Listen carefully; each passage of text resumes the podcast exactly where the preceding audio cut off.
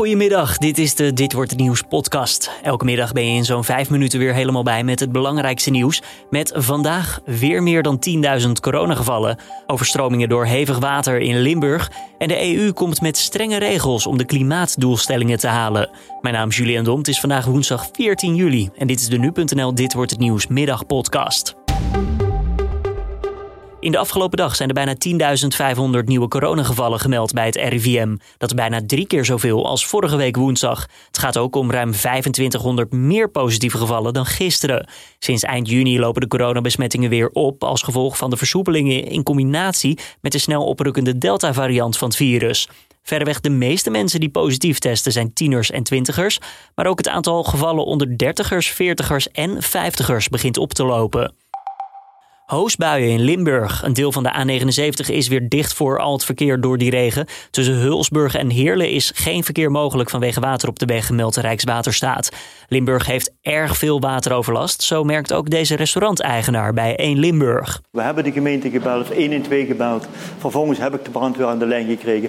Maar ze zaten helemaal vast, ze waren dieren aan het redden, ze, ze waren overal bezig. En het lukte gewoon niet. En ja, ze zijn dus naderhand wel gekomen. Maar ja, toen was het water wel binnen. Verder waarschuwt de veiligheidsregio dat woningen in de plaats Hoensbroek onder kunnen lopen doordat de plaatselijke waterbuffer vol zit. Inwoners wordt gevraagd een veilige plek in huis te zoeken en stroom en gas af te sluiten.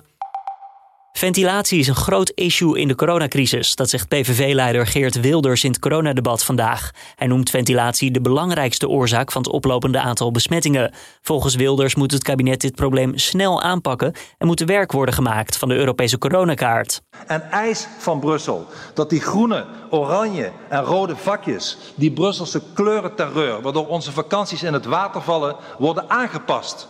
Wilders zegt dat de kleuren op die kaart anders berekend moeten worden. Zorg ervoor dat Nederland op vakantie kan en die massa kleuren niet meer worden bepaald op basis van besmettingen, maar op basis van ziekenhuisopnames. Het debat is om 1 uur vanmiddag begonnen in de Ridderzaal, omdat de reguliere zaal dicht is vanwege de renovatie van het Binnenhof.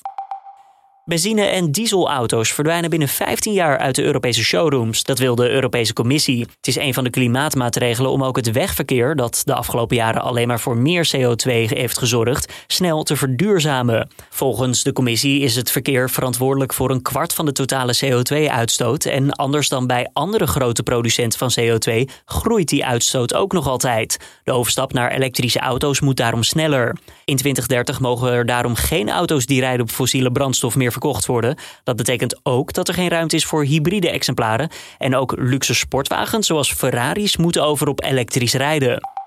De Lowlands-baas is niet blij met het nieuwe steunpakket voor de eventsector. Hij vindt de 135 miljoen euro niet genoeg. Het extra geld is wel een stap in de goede richting, maar hoewel de gemaakte kosten nu grotendeels zijn afgedekt, is de praktijk dat je zelf toch nog met een enorme kostenpost blijft zitten, zegt hij. Het festival hoort een week van tevoren of het wel of niet mag doorgaan. En daarom gaat de organisatie vooralsnog wel gewoon door. Dan even het weer van Weerplaza. In het oosten en zuiden dus flink veel regen. Voor Limburg ook code oranje vanwege de kans op overstromingen. Morgen neemt de hoeveelheid regen ietsjes af. Het wordt dan zo'n 20 tot 23 graden. En vrijdag laat de zon zich pas weer zien. En wordt het hopelijk ook echt iets droger. Ja, ophef om een pistool dat lijkt op een Lego-bouwpakket. Het wapen bestaat uit felle kleuren en lijkt alsof het van Lego-steentjes is gemaakt. De fabrikant zegt met het wapen het pure genieten van schietsporten te willen vieren en dat wapens toch echt voor iedereen zijn. Het Deense Lego is er in ieder geval niet blij mee. Het bedrijf heeft nu gesommeerd om meteen te stoppen met de productie. De makers hebben na wel wat discussie met advocaten uiteindelijk ook toegezegd het pistool niet meer te maken of te verkopen. En dit was hem dan weer, de Dit Wordt Het Nieuws podcast van deze woensdag 14 juli. Tips of feedback zijn altijd welkom. Kan je toesturen naar podcast.nu.nl.